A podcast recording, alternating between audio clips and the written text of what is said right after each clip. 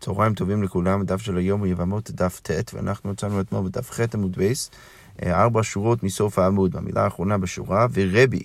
אז אה, אנחנו נכנסים עכשיו בדיוק לאיפה שעצרנו אתמול בדף. אתמול אמרנו שרבי לומד דרשה אחרת כדי ללמוד את כל העניין הזה שהאריות אסורות אפילו במקום ייבום, וגם כן שהצהרה אסורה, וגם כן שהצהרה מותרת. אה, שלא במקום ייבום. לא ניכנס שוב לכל השקלא וטריא שאמרנו אתמול, אבל יצא מכל זה שרבי בעצם לומד את זה מדרשה אחרת שהיא שונה מהדרשה של חכמים. כי מה ראינו שחכמים לומדים? חכמים לומדים גזירה שווה עליה עליה, כן? הם לומדים מהמילה עליה שכתוב אצל אחות אשתו, למילה עליה שכתוב אצל ייבום, להבין ש... ושוב, בלי להיכנס לכל הניואנסים של הגמרא, אבל בעצם ללמד ש... אה, ש... שהאריות והצרות אסורות במקום ייבום, ושלא במקום ייבום רק האריות אסורות, אבל הצרות מותרות. עכשיו, אבל ראינו שרבי לומד את הדרשה הזאת משני מילים שכתובים בעצם מצוות ייבום, ולקחה ויבמה. אז השאלה היא מה רבי עושה עם המילה עליה, איך הוא דורש את המילה עליה. אז הגמרא אומר ככה, ורבי, היי עליה מאי אביד לי, מה, איך הוא משתמש במילה עליה? אז הגמרא אומר ככה, מביילי לקטטני, רבי ישתמש במילה עליה להלכות שהן בתחום אחר לגמרי, ואנחנו עכשיו ניכנס אה, לאורך העמוד הבא לתחום של, אה, אה, של, של, של, של קורבנות שגם היחיד וגם הציבור והנשיא והכהן גדול צריכים להביא כשהם עוברים על סוגי, על, על סוגי אה, חטאים. אז הגמרא אומרת, מביילי לקטטני, הוא צריך את המילה עליה לברית הבאה. אין חייבים בית דין אלא על דבר שזדונו כרית ושגגתו חטא. אנחנו יודעים ש... כשהבית דין הם בעצם הם פוסקים משהו שהוא לא נכון אה, הם, לכל העם ולפחות רוב הציבור עוברים על האווירה הזאת, אז הם צריכים להביא מה שנקרא פרא אה, אלם דבר של ציבור.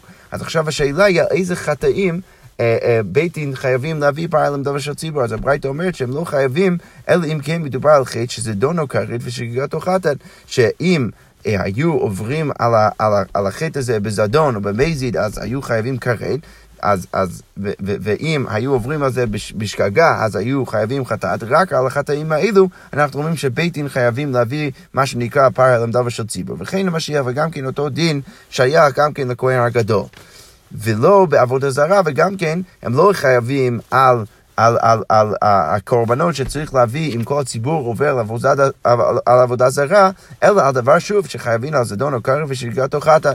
ותנא נמי כתוב גם כן במשנה כל מצווה שבתורה חייבים שחייבים על זדון או קרב ושגגתו חטא, יחיד, עכשיו אנחנו נעבור על כל הקורבנות שצריך להביא. אז היחיד, אם הוא עובר על איסור כזה, שזה חטאת רגיל, הוא עובר על איסור שאם הוא היה עושה את זה במזיד, הוא היה חייב הוא היה חייב כרת, ועכשיו שהוא עובר על זה בשוגג הוא חייב חטאת, אז היחיד צריך להביא מה? מביא כסבה או שעירה, אז הוא מביא או, או, או את הבהמה כסבה או שעירה ששתיהן נקבות. נשיא, אם הנשיא עובר על, על, על, על קורבן, על, על חטא ש, שנכנס לקטגוריה הזאת, אז הוא צריך להביא מה? מביא שעיר, הוא צריך להביא שעיר זכר. אוקיי, משיח ובית דין, אם הם עוברים, או, או, או, או הבית דין מסית את, ה, אה, אה, את הציבור לעבור על אחד מהחטאים האלו, אז הם מביאים, אה, הם מביאים פר.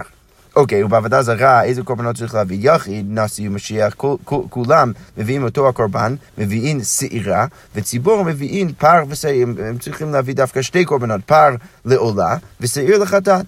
אז הגמרא שואלת, מנהל נימידים, מאיפה אנחנו יודעים מכל מה שאמרנו עכשיו? זה תנא רבנו, כתוב בברייתא, ונודעה החטאת אשר חטאו עליה. כשם כתוב, אה, אצל הפר למדבר של ציבור, שאם הציבור עובר על איסור מסוים, ואז נודעה החטאת אשר חטאו עליה, אז משם אפשר ללמוד שזה רק יהיה קורבן, זה רק יהיה, אה, זה יהיה חיוב קורבן רק במקום שהם, שהם חוטאים הם, ב, על, על, על איזשהו חטא שחייבים על זדונו כרת ועל שגגתו חטאת. מאיפה אנחנו לומדים את זה? רבי אומר, וכאן אנחנו רואים שרבי משתמש במילה עליה לדרשה אחרת, ורבי אומר נאמר עליה ונאמר להלן עליה. סליחה, נאמר כאן עליה ונאמר להלן עליה, זה כתוב כאן אצל הפר של ציבור ונודע אחד אשר חטאו עליה, ונאמר להלן גם כן אצל מה, ש, מה שראינו כבר אצל אחות אשתו, כתוב שם עליה, ושם אנחנו יודעים שמדובר על חטא ש...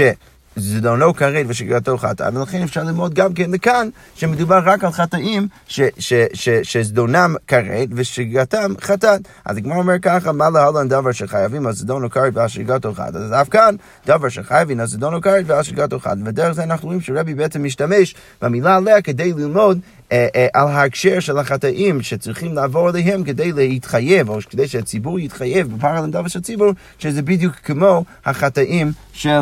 אה, של, אה, של, של ההקשר של אחות אשתו. אז הגמרא אומרת, בסדר, אז דרך הלימוד הזה אני יכול ללמוד רק אבל לקורבן של הציבור, אשכנן ציבור, משיח מנהל, מאיפה אני יודע שגם הכהן גדול צריך לעבור על אחד מהחטאים האלו דווקא כדי להתחייב בקורבן שלו, שזה גם כן יהיה פר. אז הגמרא אומרת, תכתיב במשיח לאשמת העם, הרי משיח כציבור. אז כתוב לאשמת העם שה, שהמשיח עובר, הכהן גדול עובר על... על אחד מהחטאים האלו, כתוב שם לאשמת העם, שזה ככה, משווה אותו יחד עם הציבור, ולכן הוא גם כן יהיה חייב באותו ההקשר.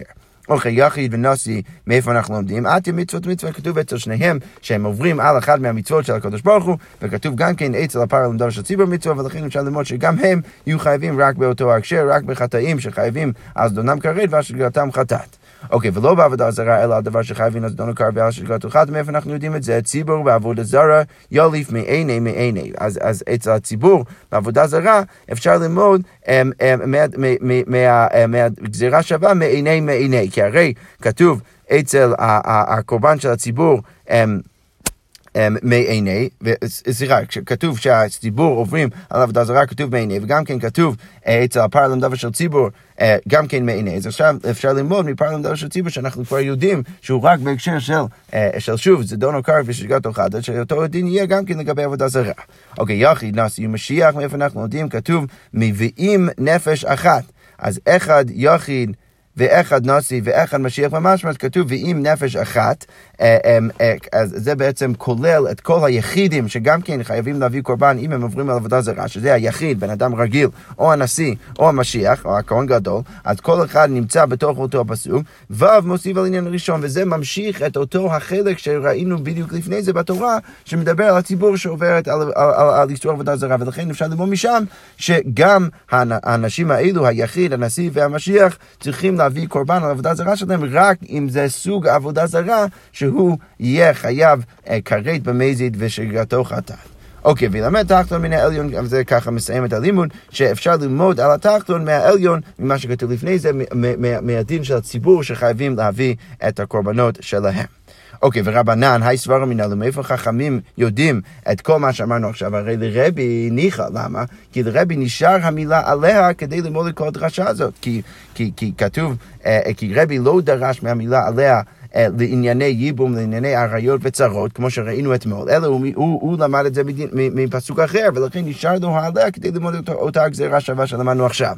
אבל החכמים שמשתמשים בעליה כדי ללמוד כל מיני דינים בענייני יבמוס, אז איך חכמים ידעו שכל הקורבנות האלו צריך להביא אותם רק במקום שזדון הקר ושגרתו חתן. אז הגמרא אומרת, ורבנן הסברה מנהלו, מאיפה הם יודעים את זה? אז כמו אומר, נפקא לו מדמקרי לרבי יהושע לברי, אז הם לומדים את זה ממה שלימד רבי יהושע את הבן שלו. כתוב בתורה, תורה אחת יהיה לכם לעושה בשגגה, והנפש אשר תעשה ביד רמה. ששם כתוב אה, שיש בעצם הקש בין אה, תורה אחת יהיה לכם לעושה בשגגה, לבין ונפש אשר תעשה ביד רמה, ששם מדובר על עבודה זרה. אז הגמרא אומרת, הוא כשהכל התורה כולה לעבודה זרה. מה עבודה זרה? דבר שחייבים על זדון או קר ועל שגגת אוכלת. כל דבר שחייבים על זדון או קר ועל שגגת אוכלת. ומשם אפשר ללמוד שזה רק דברים שחייבים עליהם בזדון או קרית ועל שגגת אוכלת. הגמרא אומרת, אשכחן יחי ונשיא משיח, בסדר, זה אני יכול ללמוד משם גם כן לבן אדם יחיד וגם כן לנשיא וגם כן למשיח, בין בעבודה זרה, בין בשאר מצוות, כי בעצם למדנו עכשיו הקש בין עבודה זרה לכל שאר החטאים, אצל בני אדם היחידים שהם היחיד, הנשיא ומשיח, ולכן אפשר להביא משם שזה רק בהקשר של, אה, אה, אה, של, של, של זדון או כרת ושל חטא. אבל ציבור בעבודה זרה מניים, איפה אני יודע שזה יהיה שייך גם כן בציבור בעבודה זרה? אז הגמרא אומרת, אמר קרא כתוב בתורה ועם נפש. וילמד עליון מתחת, עכשיו אפשר להגיד בדיוק הפוך, כתוב בתורה ועם נפש, ואנחנו יודעים שזה מגיע ישירות אחרי החטא של הציבור בעבודה זרה, ועכשיו במקום ללמוד מה שרצינו ללמוד למעלה, אה, את התחתון מהעליון, כאן, אנחנו לומדים אה, את העליון מהתחתון. אנחנו כבר יודעים אצל יחידים שגם כן בשאר המצווה וגם כן בעבודה זרה, זה צריך להיות בהקשר של זדון וקרב ושקרת תוכת, ולכן אפשר ללמוד עכשיו מכאן, משם, מהתחתון לעליון, שגם כן בציבור יהיה אותו הדין לפחות בעבודה זרה. אז הגמרא עכשיו שואלת, אל הציבור בשאר מצווה מנהל, מאיפה אנחנו יודעים שגם כן אה, אצל הציבור בשאר מצווה, שוב, זה צריך להיות משהו שזדון הקרב ושגת תוכת. עד ילד מעיני מעיני אפשר ללמוד אותה גזירה שווה, שלמדנו גם למעלה מעיני מעיני, שאז מקשר את הציבור. אה, אה, בעבודה זרה לציבור שלא בעבודה זרה. אז בדיוק הלימוד שלנו זה בדיוק הפוך אצל חכמים. במקום להתחיל עם פרלם דובר של ציבור, כאן אנחנו מתחילים עם, ה, עם היחידים וגם כן עם עבודה זרה. ואז לומדים שזה אותו דבר בעבודה זרה גם כן. אה, לחטא רגיל ולכל שאר החטאים, ואז לומדים מהיחידים לציבור בעבודה זרה, ואז מהציבור בעבודה זרה לומדים אה, חזרה לפר העלם דבר של ציבור, שזה גם כן צריך להיות, שוב, בהקשר של זדונו כרת ושגגתו חטאת. אז הגמרא עכשיו שואלת, ורבי, האי תורה אחת, מאי עביד ליה? איך, הוא לומד את הפסוק תורה אחת, שראינו שרבי יהושע אז מקריא את הפסוק הזה לבן שלו, תורה אחת יהיה לכם לעושה בשגגה, שזה דווקא לימד על היקש בין שאר החטאים בעבודה זרה, איך רבי דורש את הפסוק הזה? אז הגמרא אומרת, אה, מבעיה ללכת איתנו, הוא צריך את זה לברייתא, אבל לפי שמציעים שחילק כתוב בין יחידים למרומים, אנחנו רואים שיש אה, אה, עונש שונה אם יחיד עובר על עבודה זרה לבין עיר אחד שעובר על עבודה זרה, יחידים בסגילה, לפיכך ממון הפלט, אז אנחנו יודעים שיחידים חייבים סגילה, שזה עונש יותר חמור, ולכן ככה אולי קצת להצדיק את זה, לפי כך ממון הפליט. אנחנו לא צריכים עכשיו להעביד ולשרוף את כל הממון שלהם, אפשר אז להשתמש וליהנות מהממון שלהם. אבל רובין בסייף, אבל אם עיר, אם מה שנקרא, יש עיר נידחת, צריך להרוג את כל מי שיש בעיר, אז הורגים אותם בסייף, שזה מיתה פחות חמורה, אבל לפי כך ממון הרבי, ולכן אתה צריך בעצם לאבד את כל, להעביד את כל, את כל, אה, את כל הממון שלהם. אוקיי, יכול נחלוק בקורבנותיהם. אולי היית חושב שברגע שאתה רואה את החילוקים האלו בעונש שלהם, שצריך גם כן לעשות חילוק בקורבנותיהם, תמוד לומר תורה אחת יהיה לכם. שזה מלמד אותנו שבכל הקשרים האלו, גם אם זה בן אדם יחיד, גם אם זה עיר שלם, בכל זאת הקורבן יהיה אותו דבר. אבל על זה הגמרא אומרת, רגע, מתקיף לה רב חילקיה מהגרוניה, רגע, צריך להקשות, אמ, לכאורה משמע מכל המהלך שלך עכשיו, שהיה לך הווה אמינא שהציבור צריך להביא קורבן שונה מהיחיד, כשהם עוברים עבודה זרה, ולא כל הציבור כולה, אנחנו מדברים רק על עיר ספציפית אחת. אז הגמרא אומר בדיוק את זה, תעמיד כתוב רחמן תורה אחת יהיה לכם, דלאו הכי הוה אמינא נחלוק, הייתי חושב שהם מביאים קורבן אחר, מאי לייתו, אבל איזה קורבן אתה רוצה שהם יביאו? לייתו פר, מה אתה רוצה שהם יביאו פר? הרי פר זה הקורבן שהציבור מביא בשאר המצוות. אה, ציבור בשאר המצוות הוא דמייתו, זה, הקורבן שמביאים בפר העלם דבר של ציבור, ולכן לא יכול להיות שזה הקורבן שאנחנו יכולים לחייב עכשיו בעיר אחת שעוברת על עבודה זרה. כשבה, אותו דבר, גם כן כשבה, יחיד בשאר מצוות הוא דמייתי. שעיר, נשיא בשאר מצוות הוא דמייתי. פר לעולה ושעיר לחטאת, ציבור בעבודה זרה ודמייתי. אבל אלא מה, מה, אתה רוצה להגיד? שעירה? אתה רוצה להגיד שעיר אחת תביא שעירה כשהיא עוברת עבודה זרה? יחי נמי היינו קורבנו. זה גם כן הקורבן של היחיד בעבודה זרה, ולכן אין לך שום הווה אמינא אחרת, ולכן ברור שהציבור צריך להביא בדיוק את מה שהיחיד מביא, שזה השעירה. אז הגמרא אומרת, יצטרך לו, בכל זאת אני צריך את הפסוק. יצטרך אולי תחמין, מה הייתי חושב? הואל וציבור בהוראה, מה הייתי פר לעולה ושעיר לחטא? הייתי חושב שבגלל שהציבור בהוראה צריכים להביא, בעבודה זרה צריכים להביא פר לעולה ושעיר לחטא, אז אינו נמי נטו איפך, אז הייתי חושב שה, שהציבור בעבודה זרה צריך להביא הפוך, צריך להביא שעיר לעולה ופר לחטא. ככה הייתי חושב. אינמי עוד אפשרות מה הייתי חושב? צריך, ואין לו תקנה, הייתי חושב שהם צריכים להביא קורבן, אבל אין שום תקנה, ולכן כמשמע לן מהפסוק שתורה אחת תהיה לכם, שזה ככה עושה הקש בין הציבור והיחיד בעניין הזה, ששניהם צריכים להביא בדיוק אותו הקורבן. אז משם בעצם אנחנו רואים אה, איך רבי דורש את הפסוקים של חכמים, שלזה היינו צריכים להגיע בגלל שהיינו צריכים לשאול איך חכמים דורשים או מגיעים לזה ש, שכל הקורבנות האלו מגיעים רק בהקשר של, אה, אה, של זדון הקרד ושריגת תוכחת. ולשאלה הזאת הגענו בכלל בגלל, uh, בגלל שרצינו להבין איך רבי דורש את המילה עליה, כי הרי הוא לומד את כל האיסורים באריות ובצרות בהקשר של ייבום ממקום אחר, לא מהמילה עליה, ולכן שאלנו איך הוא דורש את המילה עליה. אז זה ככה סוגר את כל הפינה הזאת, ועכשיו אנחנו נחזור למשנה אמ, אה, ונעבור כבר לסוגיה הבאה. אז הגמרא אומרת ככה, אם אנחנו זוכרים, אז uh, מנינו uh, 15 נשים שאצלם הם נחשבים או נחשבות כאריות מול האח החי, ולכן ברגע שהאח שלו נפטר, שהיה נשוי לאחד מהאריות האלו, אז לא רק שאסור לו לקיים מצוות ייבום או חליצה עם אותו האישה, אלא הן גם כן פותרות את צרותיהן וצרות צרותיהן, צרותיהן עד סוף כל העולם. בסדר. עכשיו, הגמרא אומר ככה, אמר, לי, אמר לי לוי לרבי, אז לוי בא ואומר לרבי, מה עיריה דתני ט"ו? למה יש רק ט"ו נשים במשנה? הרי היינו יכולים למצוא עוד אישה. ליטני ט"ז, היינו צריכים להגיד 16. אז הגמרא אומרת, אמר לי, אז רבי אומר לו ללוי, כמדומה לי שאין לו מוח בקודקדו. אני כאילו, זה, זה נראה שאין לו מוח בראש שלו. בן אדם הזה מציע שטויות. מה דייתר? כי מה בטח לוי אה, אה, התכוון כשהוא רצה להוסיף עוד אישה למשנה? אמו אנוסת אביו. אז אולי הוא רוצה להוסיף אמו אנוסת אביו. איך זה קורה שאפשר ש... שהמקרה הזה יופיע במשנה? אז אם אנחנו נניח שבן אדם אנס אישה, רחמנא ליצלן, עכשיו כשבן אדם אה, אה, אה, מאנס או אונס אישה, אז... אז האישה הזאת לא אסורה עכשיו ל, לילדים שלו. אז יכול להיות שיש מקרה שבן אדם, יש לו כבר בן, והוא אונס אישה, רחמנא ליצלן, ונולד גם עוד בן מאותו היחסים.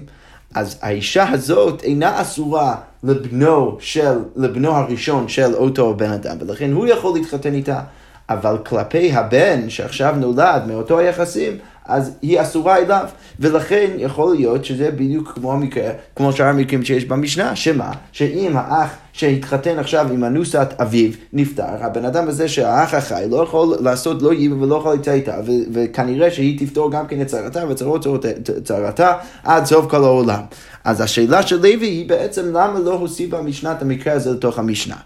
אבל אם אנחנו זוכרים נכון, המקרה הזה להגיד שבן אדם יכול להתחתן עם אנוסת אביו, זה מחלוקת תנאים. זה מחלוקת בין חכמים ורבי יהודה, שחכמים אומרים שזה מותר, ורבי יהודה אומר שזה אסור. אז הגמרא אומרת שרבי מגיב ללוי, הוא מניח שזה מה שהתכוון לוי. לוי רצה להוסיף את המקרה הזה למשנה, אבל כנראה שאין לו שום, אה, לו שום מוח. בראש שלו, למה? כי מאי דייתך, אימו אנוסת אבי, מה אתה רוצה להוסיף את המקרה הזה? אימו אנוסת אבי פלוגתא דרבי יהודה ורבנני. הרי המקרה הזה הוא מחלוקת בין חכמים ורבי יהודה, אז לפי שיטת רבי יהודה, המקרה הזה לא קיים. למה? כי הבן, הבן הראשון של אותו הבן אדם לא יכול להתחתן עם אנוסת אביו של השני, בגלל שזה לפי, אה, אה, אה, לפי, לפי רבי יהודה. הדבר הזה הוא אסור. ורבי בא ואומר, ובפלוגתא לא כמרי, והמשנה לא הביאה מקרים שיש בהם מחלוקת. אז, אז רבי בא ומגיב ללוי, אולי אתה צודק שלפי חכמים באמת המקרה הזה יוצא מאוד דומה לשאר המקרים שיש במשנה. אלא שמה? המקרה הזה תלוי במחלוקת, זה תלוי במחלוקת בין חכמים ורבי יהודה, ולכן לא הגיוני לצפות שהמקרה הזה יופיע במשנה, כי המשנה שלנו לא מטפלת במקרים או לא מזכירה מקרים שיש ביניהם מחלוקת או שתלויים במחלוקת. אבל הגמרא אומרת, האם זה באמת נכון שהמשנה שלנו לא מביאה מקרים שיש ביניהם מחלוקת? ולא. והרי איסור מצווה ואיסור קדושה דפליגי רבי עקיבא ורבנה וקטני. הרי אצל איסור מצווה ואיסור קדושה יש מחלוקת בין רבי עקיבא וחכמים, ובכל זאת זה מופיע במשנה.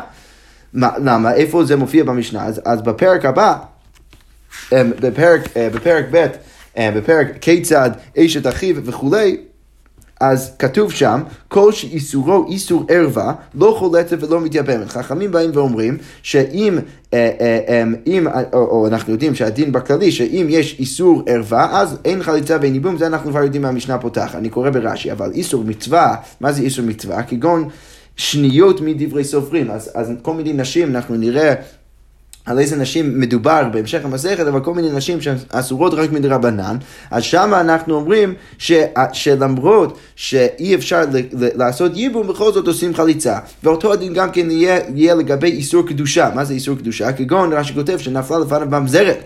או נתינה, שהיא בלאו, אז במקרים כאלו חולטת ולא מתייבם. אנחנו אומרים שיש חליצה, אבל אין ייבום.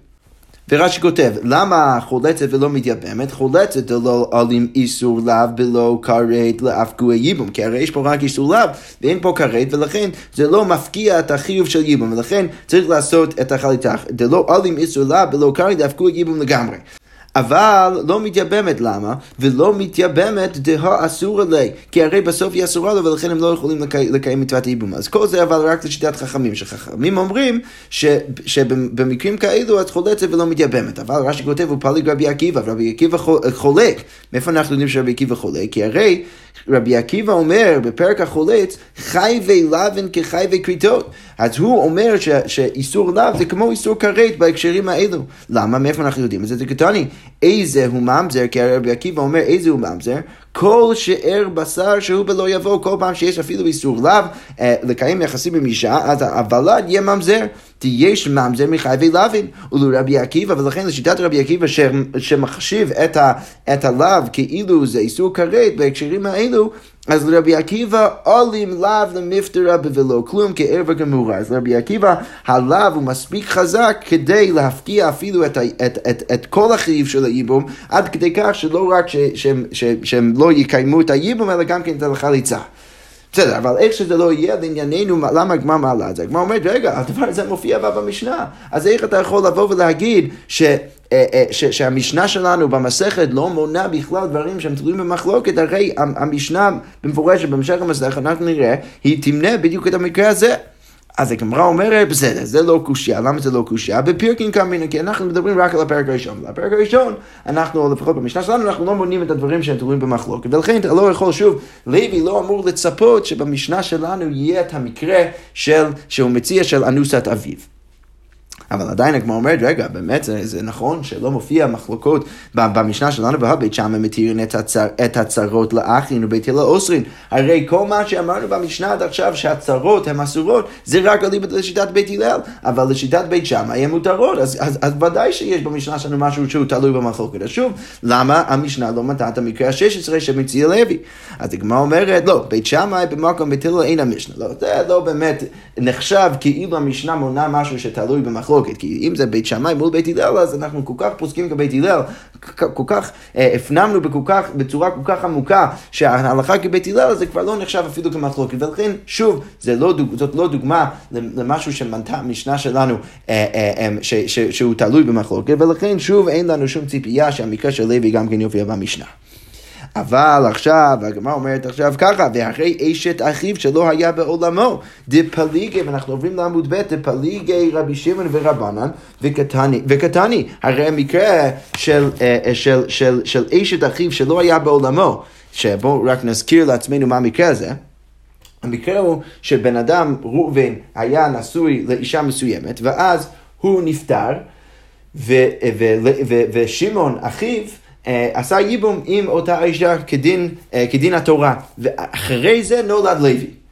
עכשיו, עוד שנייה אנחנו נראה שיש באמת ניואנס פה, וזה אולי רלוונטי מתי נולד לוי, האם לוי נולד לפני ששמעון התחתן עם, אש, עם אשתו של ראובן או, או אחרי, אבל לזה ניכנס עוד שנייה, אבל בעיקרון המקרה הוא ככה, ואז נולד לוי, ואז נפטר שמעון ללא בנים גם כן נכון ליצלן. אז, אז המשנה אמרה שהאישה הזאת נחשבת ללוי כאילו היא כבר, כאילו היא גם כן אשת ראובן, ולכן זה מה שנקרא אשת אחיו שלא היה בעולמו, ואסור, אה, והיא אסורה על לוי אה, אפילו במקום היבום. עכשיו, הגמרא אומרת שהמקרה הזה שהביאה המשנה להגיד שהאישה הזאת תהיה אסורה על לוי, זה בעצם תלוי במחלוקת. למה זה תלוי במחלוקת? יש בזה מחלוקת בין רבי שמעון ורבנן. למה?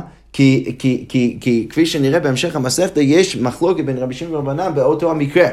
איזה, באיזה מקרה יש מחלוקת ביניהם? במקרה שבו אה, שבו לוי נולד אחרי ששמעון כבר עשה ייבום. במקרה כזה רבי שמעון יגיד שלוי לא מסתכל על האישה הזאת כאשתו של ראובן, הוא לא ראה אי פעם לא א', ראובן שהיה נשוי לאותה אישה, ולא ב', אותה אישה שנפלה לייבום לאחים, ולכן הוא לא מסתכל על האישה הזאת בשום צורה בהקשר של ראובן, ולכן כשהוא רואה את האישה הזאת אחרי ששמעון נפטר, מותר לו לקיים איתה ייבום. המקרה ש, שגם רבי שמעון מודה לחכמים זה רק במקרה הראשון, המקרה הראשון שבו לוי נולד לפני ששמעון עושה ייבום עם אשתו של ראובן. במקרה כזה אין הכי נמי, כי לוי באמת מסתכל על אותה אישה, והוא רואה אותה כאילו היא עכשיו אה, אה, אשתו של ראובן, ולכן כשמקיים איתה ייבום שמעון, ואז שמעון נפטר, אז אנחנו אומרים שהיא אסורה ללוי. אבל במקרה ששמעון עשה את הכל לפני שלוי נולד בכלל, במקרה כזה רבי שמעון פתאום יגיד שזה מותר. אז הגמרא אומרת, אבל המשנה שלנו מנתה את המקרה הזה כמקרה גורף, לא עם הניואנס הזה שזה רק במקרה ששמעון עשה את הייבום לפני שלוי, אה, סליחה, ששמעון עשה את הייבום אחרי. אחרי שלוי כבר נולד. המשנה לא נכנסה לניואנס הזה, לכאורה משמע בצורה גורפת שהמשנה חושבת שתמיד היא תהיה אסורה ללוי, ולכן לכאורה משמע שמה? לכאורה משמע ש, אה, אה, ש, שהמשנה אה, מנתה מקרים שהם תלויים במחלוקת. אז שוב, אני קורא בגמרא, הרי במקרה הזה פליגר בשם רבן וקטני. אז הגמרא אומרת, לא, בנולד בסוף ייבם לא פליג רבי שמעון. במקרה שקודם כל נולד לוי ואז אה, אה, שמעון עשה את הייבום, במקרה כזה, כמו שאמרנו, רבי שמעון לא חולק, ולכן אתה יכול לפרש שהמשנה מדברת ספציפית על המקרה הזה, ששם אין מחלוקת בין חכמים ורבי שמעון. אה, הגמרא אומרת, רגע, ואמר רבי יושע חלוק היה רבי שמעון אף בראשונה, הרי אה, יש לנו אמירה שאנחנו שוב נפגוש את האמירה הזאת עוד בהמשך המסכת, שרבי יושע אומר שרבי שמעון לא חולק במקרה, רק במקרה ששמעון עשה ייבום לפני שנולד לוי, אלא אפילו במקרה ששמעון עשה ייבום לאחר שנולד לוי, גם במקרה כזה רבי שמעון חולק. אבל לכן לכאורה משמע שאיך שלא תחתוך את זה, בכל זאת המשנה מנתה מקרה שבו, שעליו חולק רבי שמעון שהיא בעצם תלויה במחלוקת. אז הגמרא אומרת, לא, האיתות עם רבי יושע, לא, בעצם, כפי שנראה שוב בהמשך המסכת, בסוגיה ההיא, אנחנו נראה שאנחנו נדחה את רבי יושע, ואז יוצא שמה? אם אנחנו הולכים את רבי יושע, אז יוצא שיש מקרה שרבי שמעון מודה לחכמים שאשתו של ראובן תהיה אסורה ללוי. איזה מקרה זה? זה המקרה שבו שמעון עושה ייבום, אבל רק לאחר שנולד שנולד לוי, ולכן במקרה כזה הוא מסתכל על האישה הזאת כאשת ראובן, ולכן כששמעון נפטר אסור לו לעשות ייבום גם לחכמים וגם כן לרבי שמעון. ולכן שוב אין לנו דוגמה של מקרה שהיא, תלוי, שהיא תלויה במחלוקת. אז שוב אנחנו חוזרים למה שהצענו בהתחלה, לוי רצה להוסיף עוד מקרה למשנה, מקרה 16, אבל אמרנו שהסיבה שאנחנו לא אמורים לצפות שהמקרה הזה יהיה בתוך המשנה, זה בגלל שהמקרה הזה הוא תלוי במחלוקת חכמים ורבי יהודה, אנוס הדבים, והמשנה שלנו לא מונה שום מקרה שיש בו מחלוקת. אבל הגמרא ניסתה כבר כמה וכמה פעמים להגיד שיש באמת מקרים במשנה שהם כן תלויים במחלוקת, אבל ענינו על כל, ה, כל הניסיונות האלה, ולכן אנחנו בעצם אומרים כרגע ששוב, המשנה שלנו לא מונה, או לפחות אצלנו בפרק לא מנתה שום מקרה שבו, שתלוי במחלוקת, ולכן אין שום ציפייה להגיד שיהיה מקרה 16 כמו שרוצה להגיד לוי. אבל עכשיו, על המק... על, על, על, שוב, על אותה ההנחה, עכשיו הגמרא תקשה אה, אה, אה, קושייה שהיא תיקח אותנו עד סוף הדף, וגם אנחנו, דרך האמירה הזאת הבאה בגמרא, אנחנו... בעזרת השם נקרא ביחד את הרש"י הכי ארוך בש"ס ונסביר את, את כל המקרים האלו ש, שרש"י מציע. אז הגמרא אומרת עכשיו כך, רגע, אבל והאמר רב יהודה אמר רב וכן תני רבי חייא, בכולן אני קורא בהן האסורה לזה מותרת לזה, והאסורה לזה מותרת לזה, ואחותה שהיא יבימתה חולטת או מתייבמת. אוקיי, אז מה המקרה בכלל? אז יש מקרה בהמשך המסכת, שבו אנחנו נראה, רש"י כותב בפרק ד' אחין, אנחנו נראה מקרה שיש ד' אחין, אני קורא מרש"י, בפרק ד' אחין דתנן, ד' אחים שניים נשאו שתי אחיות. אז יש שני, שניים מהאחים שהתחתנו עם שתי אחיות, ומתו, ואז הם נפטרו. אז הנש... סליחה, ומתו הנשואים את האחיות. הרי אלו חולצ... חולצות ולא מתייבמות. אז הנשים האלו יכולות לעשות חליצה ולא ייבום. למה? אז רש"י כותב, לפי ששתיהן זקוקות לזה ושתיהן זקוקות לזה. אז כל אחת בעצם היא נחשבת כזקוק, כזקוקה לשני האחים שעוד בחיים. ואי נוסיף היי, ואם אחד מהם מתחתן ועושה מצוות ייבום עם אחת מהנשים האלו, אז פגע באחות זקוקתו, אז יוצא שהוא בעצם פוגע באחות זקוקתו, כי הרי יש לו זיקה לשתי הנשים האלו ושתי נחיות, אז יוצא שאם הוא יעשה משהו עם אחת מהם, אז הוא כאילו, הוא כאילו מתחתן עם אחות זקוקתו. עכשיו, אחות זקוקתו זה לא ממש אחות אשתו, כי הוא לא נשוי לאישה השנייה, אבל בכל זאת יש זיקה ביניהם, ולכן עכשיו לעשות ייבום עם אחות זקוקתו, הדבר הזה הוא אסור, ולכן אנחנו אומרים ש... אצל, אה, אה, לכן אנחנו אומרים שאצל המקרים האלו, אז הן צריכות לחלוט ולא להתייבם, כי אי אפשר לקיים את מצוות הייבום. אלא שמה? שהגמרא שם מציעה שיש מקרים שבהם אנחנו כן נהיה מוכנים להגיד שהם יכולים לעשות ייבום. איזה מקרה זה?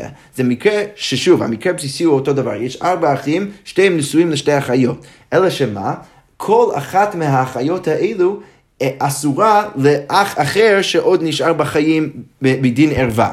אז נגיד, האחות א' אסורה לאח א' שבחיים איסור ערווה, ואחות ב' אסורה לאח ב' שעוד בחיים איסור ערווה. ואז יוצא שמה? שבין אחות ב' ואח, ואח ב' אין שום זיקה בכלל, כי הרי יש איסור ערווה, ולכן הוא יכול לעשות ייבום עם, ה, עם אחות א', וכמו כן, אח א' אין לו שום זיקה לאחות א', ולכן הוא יכול לעשות עכשיו ייבום עם אחות ב'. אז הגמרא אומרת שזה המקרה הבסיסי שבו אנחנו נהיה מוכנים לומר שב, שבמקרה כזה כן הן יכולות לעשות ייבום, כי לכל אחת זה לא נחשב כאחות זקוקתו בגלל, בגלל שעל האחות השנייה יש לו איסור ערווה.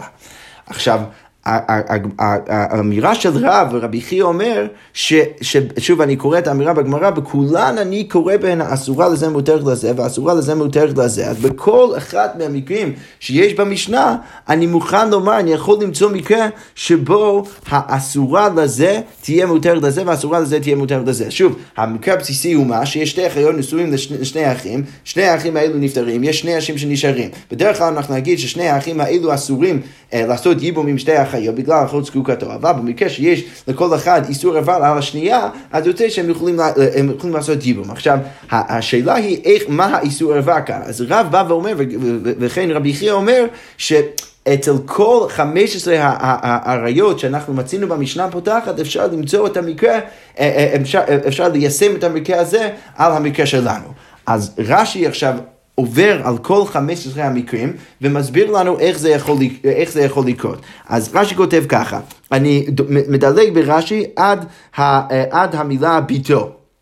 זה המקרה הראשון, המקרה הראשון שראינו במשנה, זה ביתו של בן אדם שמתחתן עם, אה, עם אחיו, ואז האח נפטר, אז כמובן שהוא לא יכול לעשות ייבום איתה. עכשיו, מה אנחנו מנסים למצוא? אנחנו מנסים למצוא מקרה שבו יש, יהיו שתי אחיות, שהיו נשואים לשתי אחים, ואז האחים נפטרו, והאחים שנפטר, ש, שנשארים, שעוד בחיים, מסתכלים על שתי האחיות האלו, ואחת מהן היא ביתו של אחד מהאחים, והשנייה ביתו של האח השני, ולכן יש עליו, יש לכל אחד איסור ערווה עם אחת מהנשים האלו, ולכן למרות שהן אחיות, כל אחד יכול לקיים ייבום מהשנייה. אז רש"י כותב ככה, איך אנחנו מוצאים את המקרה? ביתו לא משכחת אלא בביתו מאנוסתו. אז קודם כל, המקרה יהיה כבר יותר, קצת יותר מסובך, כי אתה יכול למצוא את המקרה הזה רק בביתו מאנוסתו. למה? שאי אפשר לביתו של ראובן וביתו של שמעון להיות אחיות מן האם. כי לא יכול להיות שביתו של ראובן וביתו של שמעון, שהם אחים, יהיו אחיות מן האם. למה? שהרי אשת ראובן, ש, שממנה הוא הוליד את, את ביתו, שילדה לו בת וגירשה ואז הוא מגרש אותה, לא נישאת שוב לשמעון. עדיין שמעון לא יכול להתחתן איתה. איתה. למה? שגירושת אחיו היא, כי היא נחשבת כגירושת אחיו. ולכן אתה צריך להגיד שמדובר על מקרה של אונס. אז רש"י כותב, רש"י כותב, אלא הכי משכך לקח אתה יכול למצוא את זה. ראובן אנס אישה, אז ראובן אה, אנס אישה, רחמנא ליצלן, וילדה לו בת, ואז מהיחסים האלו אז, אז, אז אה, נולדה בת. ואז חזר שמעון ואנס, וכאן יש גרסה בחלק מהראשונים, והכתב יד שצריך להיות ונשא, כי בעצם האיש, האישה הזאת היא מותרת לגמרי לשמעון, ששוב, הוא אחיו של ראובן. אז מגיע שמעון ואונס, או, או, או אפילו מתחתן את אנוסת, את אנוסת אחיו, האישה שלפני רגע אנס אותה ראובן, שמותרת לו, כי הרי היא מותרת לו דלא אסירה תורה אלא אשת, אשת האח על ידי קידושין, כי הרי אשת האח אסורה רק על ידי קידושין, אבל לא על ידי אונס. אוקיי, וחזר וילד ילדה לו בת לשמעון והיא אה, יולדת בת לשמעון. אז עכשיו מה יוצא? הרי בת ראובן ובת שמעון אחיות מן האם, אז שני, הב... אה, שני הבנות האלו הן אחיות מן האם, ונישאו ללוי ויהודה אחי אביהן, והן מתחתנות עכשיו עם לוי ויהודה, שהם האח השלישי והרביעי של ראובן ושמעון, ואז מתו, ואז אה, יהודה ולוי נפטרים, שאגב, רק אני אזכיר שבכל המקרים עכשיו שרש"י ימנה, זה תמיד יהיה שלוי וראובן אה, יהיו האחים שימותו, ואז נשארים ראובן ושמעון, וכלפי כל אחד מהם יהיה אחת מהנשים שנשארים, שנשארות, היא תהיה עליו ערווה. אז עכשיו לוי ויהודה נפטרים, ונפלו לפני ראובן ושמעון. אז, אז, אז עכשיו שתי הנשים האלו, בתו של ראובן, בתו של שמעון, נופלות עכשיו לראובן ושמעון לייבום. אז בת שמעון מתייבמת לראובן, אז במקרה כזה בת, בת שמעון יכולה לעשות ייבום עם ראובן, דלאו אחות זקוקתו היא, כי הרי היא לא, היא לא אחות זקוקתו, כי למרות שיש לה אחות שעכשיו גם כן נפלה לייבום, היא לא נפלה לאבא שלה, ולכן יוצא ש... אה, אמ, שבת שמעון מותרת לראובן בגלל שבת ראובן לא נפלה לראובן בכלל לייבום ואין שם שום זיקה ולכן זה לא נחשב כאחות זיקוקתו. וכמו כן בת ראובן לשמעון. אוקיי, יפה. זה מקרה ראשון. עכשיו, מקרה שני ושלישי, וכן בת ביתו של ראובן ובת ביתו של שמעון שהיו אחיות מן האב, אז אם אמ, בת ביתו, אה, או, או בת ביתו של ראובן ובת ביתו של שמעון. אה, אמ, אה, שאם הבת של ראובן והבת של שמעון התחתנו עם אותו הבן אדם, ואז נולד מאותו הבן אדם אה, מבת ראובן עוד בת ומבת שמעון עוד בת, אבל הן אחיות מן האבא, אז והן עכשיו מתחתנות ונישאו ללוי ויהודה, הן מתחתנות עם לוי ויהודה ואז לוי ויהודה נפטרים, אז יוצא שראובן מסתכל על, על, על הנכדה של שמעון, שהיא בעצם האחות של הנכדה שלו, אבל היא מותרת לו בייבום בגלל שהוא לא מסתכל על הנכדה שלו כאילו יש פה זיקה ולכן אין פה שוב האחות זגוקתו ולכן הוא יכול להתחתן עם נכדה של שמעון ושמעון יכול להתחתן עם נכדה של ראובן למרות שהן בעצם אחיות. אוקיי, וכן בת בנו של ראובן וכן בת בנו של שמעון, שהיו אחיות מן האם. אפשר להגיד גם כן אותו דבר בדיוק הפוך, שזה המקרה השלישי שיש במשנה, שזה בת בנו, שהבן של ראובן והבן של שמעון, אה, כל אחד התחתן עם אותה אישה. אז נגיד, קודם כל הבן של ראובן התחתן עם אישה, נולד בת, ואז הם התגרשו ואותה אישה התחתנה עם הבן של שמעון, נולד בת, אז יוצא שהבנות האלו, הנכדות אה, של שמעון ולוי, הן בעצם אחיות מן האם, אבל כל אחת מתחתן עם יהודה ולוי, ואז יהודה ולוי נפטרים, אז יוצא ששוב, ראובן יכול לקיים לקיים ייבום עם נכדה של שמעון, ושמעון יכול לקיים ייבום עם נכדה של ראובן. אוקיי, עכשיו אנחנו עוברים למקרה הרביעי, וכן בת אשתו של ראובן ובת אשתו של שמעון, של שמעון שהיו אחיות מן אבא. רש"י כותב ככה, כגון, מה המקרה? נחשון שנשא שתי נשים, וילדו לו שתי בנות, אז נחשון התחתן עם שתי נשים, מותר לגמרי, ילדו לו שתי בנות, ומת נחשון, ואז נחשון נפטר, וניסו שני נשיו לראובן ושמעון, אז בא ראובן ומתחתן עם אשתו הראשונה של נחשון, ושמעון מתחתן עם אשתו השנייה, ושוב, לכל אחת מהם יש בת. ושני בנותיו של נחשון, ללוי ויהודה. אז הן מתחתנות עכשיו עם לוי ויהודה שהם האחים של ראובן ושמעון. ומתו ואז לוי ויהודה נפטרים. אז יוצא שמה? לוי ויהודה, אה, סליחה, ומתו לוי ויהודה. רש"י כותב בת אישה אה, בת אשת שמעון תתייבם לראובן, אז יוצא שיש פה אישה שהיא, אה, ש, ש, שהיא בעצם ביתו של אשת שמעון מנחשון. אז האישה הזאת יכולה לעשות ייבום עם ראובן בגלל שכשראובן מסתכל על האישה השנייה, שהיא בעצם בת אשתו, אין פה שום, אה, אה, אה, אין פה שום זיקה ולכן היא לא נחשבת בת אשתו שמעון, לא נחשבת כאחות זקוקתו של, של, של ראובן, ולכן ראובן יכול לקיים ייבום עם בת אשתו של שמעון, ושמעון יכול, ואחותה, שהיא בעצם בת אשתו של ראובן, יכולה לעשות עכשיו ייבום עם שמעון. אוקיי, יפה, זה המקרה הרביעי שיש במשנה. אוקיי, וכן בת ביתה של אשת ראובן ובת ביתה של אשת שמעון. אז, אז, אז שוב, אפשר למצוא בדיוק אותו המקרה, אה, או, או, או מקרה אפילו יותר, יותר פשוט, ש... של בת ביתה, שמה קורה? ראובן, רש"י כותב ש, אה, אה, שאם ראובן התחתן עם אישה, נולדה להם בת. עכשיו, הבת הזה התחתנה עם, עם גבר, שאותו הגבר התחתן גם כן עם בתו של שמעון. עכשיו, מביתו של, של ראובן נולדה בת, וגם כן מביתו של שמעון נולדה בת. אז שתי הבנות האלו הן אחיות מן האבא, והן נחשבות גם כן אה, אה, כהנכדות של אשתו של ראובן, וגם כן הנכדה של אשתו של שמעון. ואז יוצא שאם יהודה ולוי עכשיו מתחתות עם בנות האלו, אז, אה, ואז נפטרים, אז ראובן לא יכול להתחתן עם נכדה, עם נכדה של אשתו, ולכן הוא יכול לייבם את השנייה, ושמעון שוב גם כן לא יכול לעשות ייבום עם נכדה של אשתו, ולכן הוא יכול לעשות ייבום עם נכדה של ראובן, לא של ראובן, סליחה, של אשת ראובן, ולכן יוצא שזה גם במקרה כזה אפשר למצוא מקרה שיש שתי אחיות, וכל אחת אסורה אה, אה, לאחת מהיבמים אה, איסור רבה, ולכן לא נחשבת כאחות זגוגתו, ואני מדלג קצת גם כן על מקרה, אפשר למצוא אותו מקרה, אבל הפוך, עם בת בנה.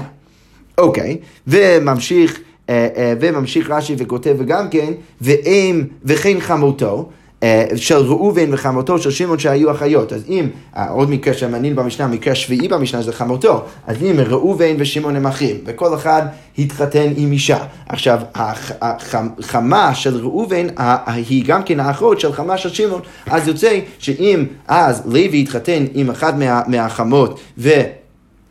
ויהודה התחתן עם חמי החמות, ואז יהודה ולוי נפטרים, אז יוצא שראובן לא יכול לעשות ייבום עם חמותו, שהיא בעצם האימא של אשתו, ולכן הוא יכול לעשות ייבום עם השנייה, ושמעון יכול לעשות ייבום עם חמותו של ראובן, למרות שהם אחיות והכל יוצא בסדר גמור. ורש"י כותב, וכן אם חמותו וכן אם חמיף. אוקיי, okay, עכשיו אנחנו עוברים למקרה הבא, המקרה העשירי, שזה אחותו מאימו. אז רש"י כותב ככה, וכן אחותו של ראובן מאימו, ואחות שמעון מאימו, היו אחיות מן האב. אז האחות של, של, של, של, של שוב, של ראובן מהאימא שלו, והאחות של שמעון מהאימא שלו, הן דווקא אחיות מן האב. אנחנו נסביר איך המקרה הזה עובד עוד שנייה. ונפלו לפניהם מלוי ויהודה. אז מה המקרה? רש"י כותב, כגון. ראובן ולוי בני יעקב, אז ראובן ולוי הם בני יעקב. אה, בני יעקב מרחל. אז יעקב התחתן עם רחל, נולד להם, נולדו להם ראובן ולוי.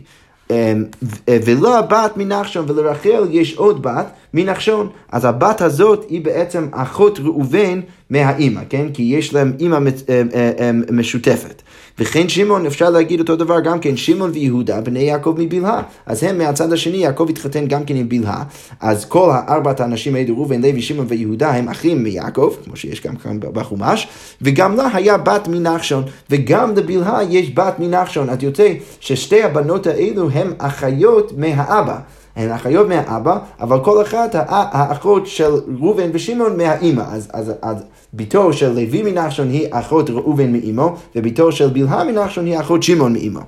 אוקיי, ונשא לוי בת בלהה מנחשון, אה, אה, אה, סליחה, כן, ונשא לוי בת בלהה מנחשון. אז לוי, שהוא הבן של יהודה, של, של יעקב ורחל, מתחתן עכשיו עם בת בלהה מנחשון, שהיא מותרת לו לגמרי, כי בלהה ונחשון הם ההורים של אותה, אותה אישה, ורחל ויעקב הם ההורים של לוי, אז הם לא אחים בכלל, אז הוא יכול להתחתן איתה. ויהודה, בדיוק הפוך, מתחתן נשא בת רחל מנחשון, הוא מתחתן עם בת רחל מנחשון, שהם גם כן לא אחים, הכל מותר, בסדר גמור. והן שתי אחיות, ואנחנו יודעים שהן שתי אחיות מנחשון, מן האב, ומתו, ואז יהודה ולוי נפטרים, מתו לוי ויהודה, ונפלו לפני ראובן ושמעון, אז שתי הנשים האלו אה, אה, נופלות לראובן ושמעון. בת בלהה אשת לוי אחות שמעון מאימו ואסורה לו.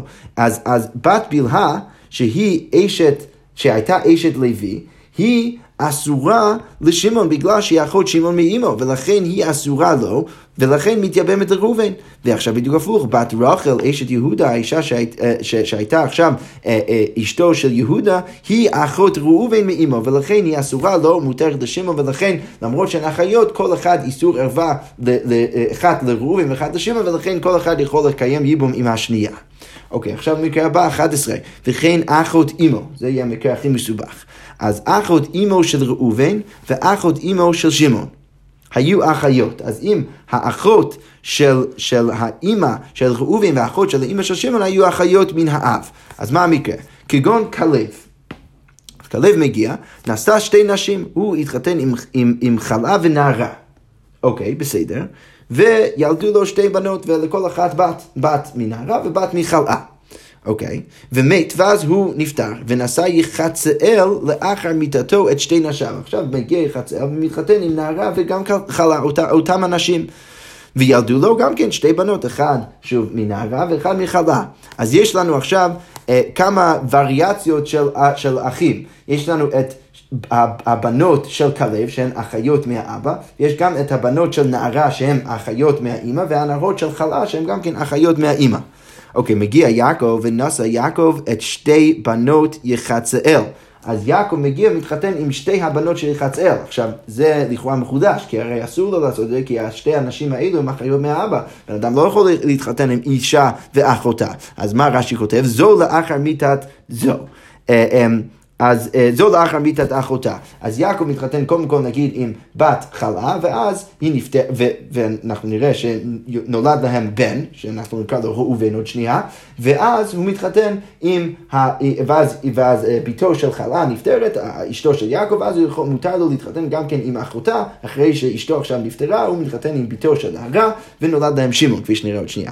אז, אז רש"י כותב, וילדה לו בת חלאה מיחצאל, אז בת חלאה מיחצאל, נולדה לו ליעקב את ראובן, ובת נערה מיחצאל את שמעון. אז עכשיו יש לנו את שמעון וראובן, שהם אחים מהאח דרך יעקב, אבל לכל אחד יש אימא אחרת. אוקיי. Okay. ולוי בן יעקב מאישה אחרת, אז לוי, וגם כן, כפי שנראה עוד שנייה, יש גם כן יהודה מאישה אחרת, אז שני האנשים האלו באים ומתחתנים עם מי? אז לוי בן יעקב מאישה אחרת נשא את בת כלב מחלאה, שהיא האישה המקורית, בת כלב מחלאה, ששוב, היא אחותה מהאבא של בת נערה מכלב, וגם כן אחותה מהאימא של בת יחצאל, חל, אה, אה, אה, בת יחצאל וחלאה, שהיא בעצם אחד מהנשים, או הייתה אחד מהנשים של יעקב. אז לוי בא ומתחתן עם... עם, עם בת כלב מחלאה, שהיא אחות אמו של ראובן. אז היא אחות האמו של ראובן. למה? כי ראובן נולד מיעקב שהתחתן עם בת יחצאל וחלאה. ובת יחצאל וחלה היא האחות של בת כלב וחלה, ובת כלב וחלה היא ההיא שעכשיו מתחתנת עם לוי, ולכן לוי מתחתן עם אחות אמו של ראובן, מן האם. ויהודה, שהוא גם כן בן של יעקב, נשא את בת כלב מנערה, שזה גם בצד השני, שהיא אחות אמו של שמעון מן האם, שהיא אחות, אחות אמו של שמעון מן האם. למה? כי יעקב שוב התחתן עם בת נערה ויחצאל, נולד להם שמעון. ואז אז, אז, אז ביתו של נערה וכלב היא אחותו מהאימו של, של אשתו של יעקב, שהיא אימא של שמעון, שהיא ביתו של נערה ויחצאל. אז, אז, אז, אז לכן יהודה שמתחתן עכשיו עם, עם נערה, עם הבת של נערה וכלב, מתחתן בעצם עם, עם האחות של אימו של שמעון. ומתו לוי ויהודה, ואז לוי ויהודה נפטרים. אז אז רש"י כותב, אשת לוי אחות אם ראובן, אז אישה של לוי שהיא אחות האם של ראובן מותרת לשמעון בגלל שראובן לא מסתכל עליה בכלל כאישה ש, ש, שיש לו זיקה אליה, כי היא האחות של, של האימא שלו. אמ, ו, ו, אז, אז, אז אה, שוב, רש"י כותב, אמ, אשתו של לוי, אחות אם ראובן, מותרת לשמעון שהיא בת כלב מחלה, שהיא הבת של כלב מחלה, ואם שמעון הייתה בת יחצאל מנהרה, והאימא של שמעון זה בת יחצאל מנהרה, ולכן הן לא קשורות בכלל, ולכן היא מותרת לשמעון. וגם כן הפוך, אשת יהודה, אחות אם שמעון היא האחות של האימא של שמעון מותרת לראובן. אז בעצם יצאנו מקרה שבו שתי הנשים האלו הם אחיות, ואחד מהם היא האחות של ראובן מהאימא, ואחד מהם היא האחות של שמעון מהאימא, ולכן שמעון יכול לקיים ייבום עם האחות ראובן מהאימא, וראובן יכול לקיים ייבום עם האחות שמעון מהאימא, ולמרות שהם שתי אחיות, אנחנו יצאנו מקרה שבו אה, שתיהם, אה, כל אחת תהיה מותרת לאחד מהאחים הנשארים. אוקיי, זה המקרה של 12. עכשיו מקרה, סליחה, זה המקרה 11, אחד, מקרה 12, המקרה של אשת אחיו מאימו. אז רש"י כותב, וכן אשת אחיו מאימו, כגון ראובן. אוקיי, אז יש לנו ראובן. אה, אה, אה, סליחה, וכן אשת אחיו מאימו, סליחה, כגון יעקב, שנשא בלהה, יעקב מתחתן עם בלהה, ולה נפתלי מאיש אחר, והיא כבר ילדה נפתלי מאיש אחר. אוקיי, והוליד ממנה ראובן ראובן ולוי, ובלהה אה, יולדת ליעקב ראובן ולוי. ועוד נשא זילפה, וגם כן יעקב התחתן גם כן עם זילפה, ולה יששכר מאיש אחר, ויש לה גם כן עוד ילד מאיש אחר, וילדה ליעקב שמעון ויהודה, והיא גם כן יולדת ליעקב את שמעון ויהודה. ונשאו נפתלי ויששכר, אז נפתלי ויששכר, ששוב, הם, הם האחים או, או הם קשורים ליעקב רק דרך האימהות שהייתו, שהייתה נשואות לגברים אחרים, אז הם עכשיו מתחתנים, אה, כל אחד עם שתי אחיות. אז כל אחד מתחתן עם אישה, ש... והנשים האלו הם אחיות. ומתו, ואז הבני אדם האלו, נפתלי ויששכר נפטרים.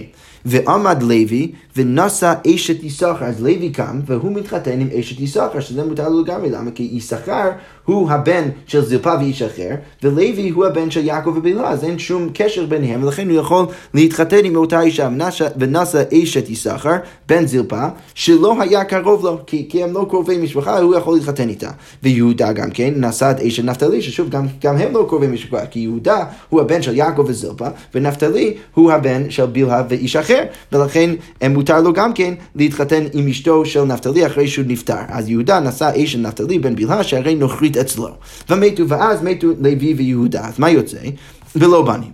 אז נפלו לפני ראובן ושמעון. אז אשת לוי, אז האישה של לוי, היא אסורה לשמעון. למה? בגלל שהאשת לוי הייתה נשואה ליששכר, שיששכר הוא אחיו של שמעון מהאימא, מפני יששכר בעלה שהיה אחיו מאימו, ולכן מותרת לראובן, אבל היא, היא אסורה רק לשמעון, אבל לראובן אין שום קשר, כי ראובן הוא כמו לוי, הוא הבן של יעקב ובלהה, לא קשור לזלפה, ולכן יששכר שהיה פעם בעלה של אותה אישה, אז, אז, אז, אז היא, אה, היא לא קשורה בכלל לראובן, ולכן ראובן יכול עכשיו להתחתן אה, עם אשת לוי, ושמעון יכול להתחתן עם אשת יהודה. אז למרות שהנשים האלו הן אחיות, בכל זאת כל, אחד, אה, כל אחת אסורה על אחת מהאחים מדין אשת אחיו מאימו, ולכן יוצא שכל אחד יכול לעשות ייבום מהשנייה. אז רש"י ממשיך וכותב, ואשת יהודה אסורה לראובן, אשת יהודה אסורה לראובן, למה? מפני נפתלי בעלה, בגלל שהיא הייתה נשואה לנפתלי, אה, בעלה הראשון שהיה אחיו של ראובן מאימו, ולכן מותרת לשמעון. אוקיי, יפה, אז זה מקרה ה-12. מקרה ה-13, רש"י כותב, וכן אחות אשתו, אוקיי, המקרה ה-13 במשנה, אחות אשתו, כגון נפתלי, שהיו לו שתי נשים, עדה וצילה, נפתלי התחתן עם שתי נשים, עדה וצילה. אוקיי, וילדה לו עדה את דינה, אז עדה ילדה את דינה, וצילה ילדה את נעמה.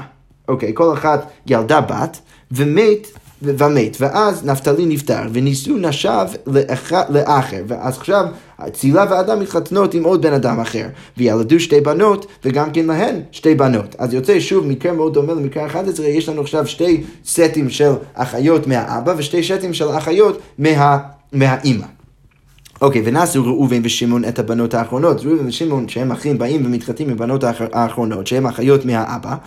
אה, וראובן נשא את בת עדה. אוקיי, אז רש"י רק מפרט לנו שראובן מתחתן עם בת עדה ושמעון בת צילה. ולוי יהודה, שהם גם כן אחים, נשאו את שתי בנות נפתלי, אז הם מתחתנים עם הבנות המקוריות של, של, של, של, של עדה וצילה, שהם היו בנות נפתלי, שהן אחיות גם כן מאבא דרך נפתלי. לוי דינה בת עדה ויהודה נעמה בת צילה. ומתו, ואז יהודה ולוי נפטרים בלא בנים, ונפלו האחיות הללו לפני ראובן ושמעון. אז האחיות הללו הן נופלות לפני ראובן ושמעון. אז אבל דינה בת עדה היא, שהיא הייתה אשתו של לוי, היא אסורה לראובן, למה? כי היא האחות דרך האימא של אשתו של ראובן, ולכן, אה, אה, אה, ולכן ראובן אין לו שום זיקה לדינה, ולכן הוא יכול להתחתן עם נעמה, וגם כן הפוך לגבי שמעון ונעמה, שמעון אסור לנעמה בגלל שהיא אחות אשתו מאימו, ולכן הוא יכול להתחתן עם דינה, כמו שרש"י כותב, נמצאת אשת לוי, אז אשת לוי שעכשיו ניתר שהיא דינה אחות אשתו של ראובן מותרת לשמעון, היא מותרת לשמעון בגלל שאין שום זיקה של שמעון לאישה השנייה לנעמה. ואשת יהודה, שהיא הייתה אחות אשתו של שמעון, מותרת לראובן. יפה, אז הכל יוצא בסדר גמור במקרה הזה, זה המקרה ה-13. אוקיי. עכשיו אנחנו חוזרים לגמרא, אחרי כל המסע הארוכה הזאת, אנחנו חוזרים לגמרא, ואנחנו רק צריכים להזכיר לעצמנו איפה אנחנו עומדים. אז אנחנו מנסים למצוא אה, אה, מקרה שבו המשנה שלנו בעצם הביאה מקרה שתלויה במחלוקת תנאים. כי מה לוי רצה להגיד? לוי רצה להגיד שצריך להוסיף פה עוד מקרה למשנה, נוסת אביב, ואנחנו דחינו את לוי בגלל שאנחנו בעצם בהנחה שהמשנה שלנו מנתה מקרים רק, רק מקרים שבהם אין שום מחלוקת תנאים. אבל הגמרא אומרת, זה לכאורה לא נכון, למה? כי אמר רב יהודה אמר רב וכן תני רבי לוי, בכולן אני קורא בהם, מה שקראנו עכשיו, בחמש המקרים האלו, אני קורא בהם אסורה לזה, מותרת לזה, ואסורה לזה, מותרת לזה, ואחותה שהיא יבימתו חולטת ולא מתייבם, ואז יוצא שכל אחד מותרת לשני. אוקיי, אז עכשיו צריך להבין בעצם את, את האמירה הזאת של רב סלש רבי חייא. אז הגמרא אומר ככה, ואז אנחנו נבין איך זה רלוונטי לסוגיה שלנו מלוי ורבי. אז הגמרא אומרת, רבי יהודה מתרגם, רבי יהודה אומר ש, ש, שהאמירה הזאת של רב היא לא מוסבת על כל 15 אנשים במשנה, אלא מחמותה ואילך, אלא רק מחמותה ואילך, מקרה שביעי ואילך. אבל שיטה בא בדרישה, אבל בששת המקרים הראשונים, לא, זה לא נכון. למה? מה הייתה עימה? כיוון דביטו באונסין משכך, כמו שראינו כבר ברש"י, שאפשר למצוא את המקרה של של ביתו, שהיא בעצם, או שני בנות שהן אחיות, שכל אחת בעצם או, אסורה על אחת מהיבמים מזה שהיא ביתו, אפשר למצוא את המקרה הזה רק דרך אונסין, ובנישואין לא משכחת לה, אז אפשר לומר שבנישואין קמרי, באוצין לא קמרי, ולכן צריך להגיד שהמשנה שלנו לא, לא רק לא, לא דיברה על אותו המקרה בגלל שצריך להעמיד את זה באונס, אלא גם כן על כל ששת המקרים הראשונים, שכל אחד בעצם נובע או נגזר מהמקרה של, של ביתו, גם כן לא נחשב בתוך האמירה של רב, הוא מדבר רק על, על המקרים משם והלאה, מקרה שביעי והלאה של המשנה. אוקיי, אז זה בעצם הבנה ראשונה באמירת רב, להגיד שרב לא דיבר על ששת המקרים הראשונים, כי במקרה הראשון שמשם נגזרים אה, כל ששת המקרים הראשונים, אפשר להעמיד את זה רק באונס, כמו שראינו כבר ברש"י, ולא בנישואין. אוקיי, הבנה אחרת של האמירה של רב זה להגיד ככה, ואביי מתרגם, אף ביתו מאנוסתו, לא, גם כן, רב התכוון גם כן למקרה של ביתו מאנוסתו, כיוון דאשכחוכי משכך, אלא בגלל שאתה יכול למצוא את זה במקרה של אונסין, אז איבאי מן האונסין תהווה, ואיבאי מן הנישואין תהווה, אז, אז אם אתה יכול למצוא את זה במקרה של אונס, אז בסדר, אפשר להגיד שרב מוסף גם במקרה הזה, ואם אתה, אתה יכול למצוא את זה בהקשר של נישואין, אז גם שם בסדר גמור, אתה יכול למצוא את זה. אבל, מה אביי לא מוכן להגיד? אביי לא מוכן להגיד שרב מוסף על מקרה אחר במשנה. ששוב, רק נזכיר לעצמנו את, את, את, את כל המקרים שמנינו אצל רש"י, מנינו רק 13 מקרים, לא מנינו את המקרה ה-14 והמקרה ה-15.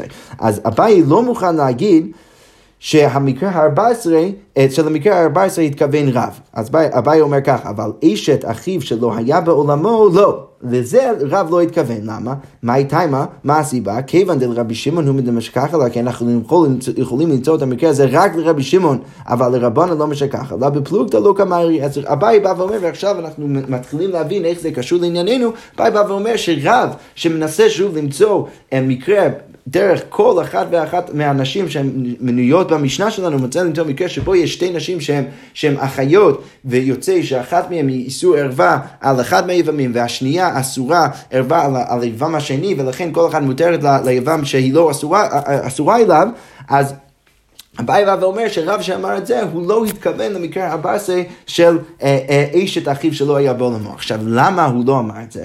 על המקרה הזה, בגלל שכדי להגיד או למצוא את המקרה הזה שיהיו שתי נשים אה, שהן אחיות שנופלות לשתי יבמים וכל אחת אסורה לאחת מהאחים מדין אשת אחיו שלא היה בעולמו, אפשר למצוא את זה רק על ליבד רבי שמעון ולא על ליבד החכמים.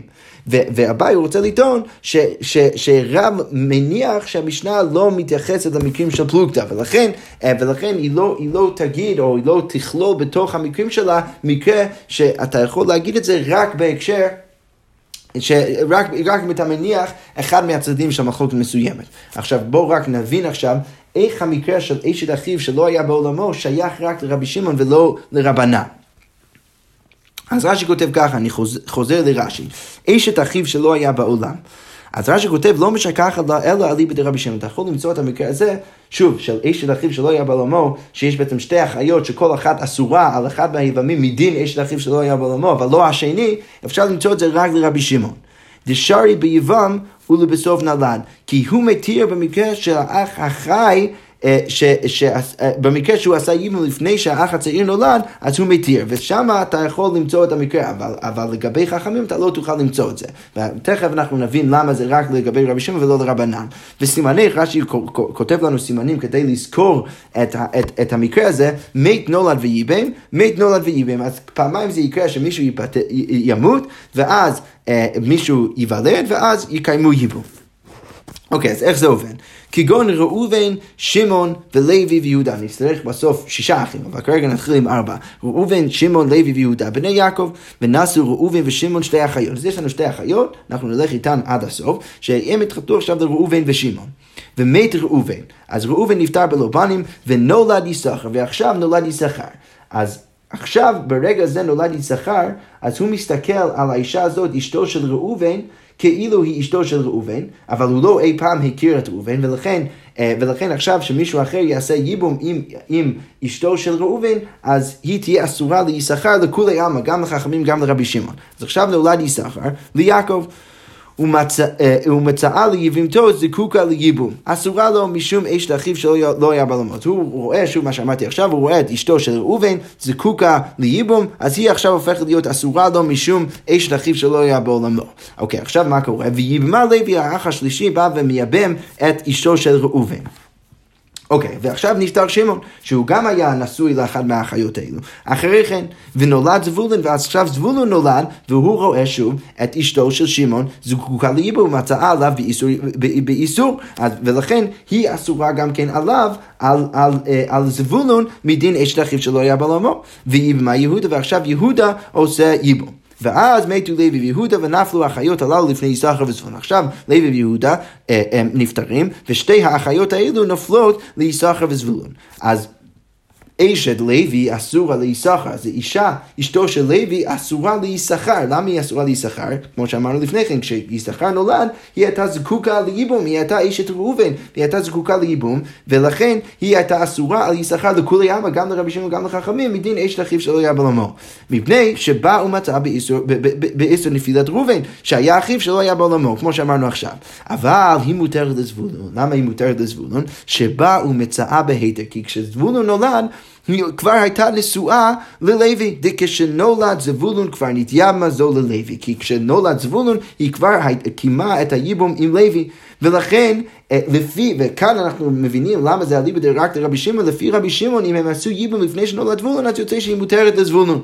אז יוצא שבמקרה כזה, אה, אה, רבי שמעון יגיד שזה מותר, כמו שרש"י כותב, הוא בייבם, ובסוף נולד, שר רבי שמעון, ולכן אשתו של לוי מותרת לזבולון ואסורה להישכר מדין אשת אחיו שלא היה בעולמו. וגם כן הפוך, אשת יהודה אסורה לזבולון. למה? מפני שבא ומצאה באיסור, כי הוא נולד לאחר שנפטר שמעון לפני שאיבם אותה יהודה, ולכן לכולי עלמא היא אסורה לזבולון. באיסור נפילת נישואי שמעון אחיו. שלא היה בעולם. אבל מותר ליששכר, למה? כי מה יששכר? היששכר נולד לפני שנפטר שמעון.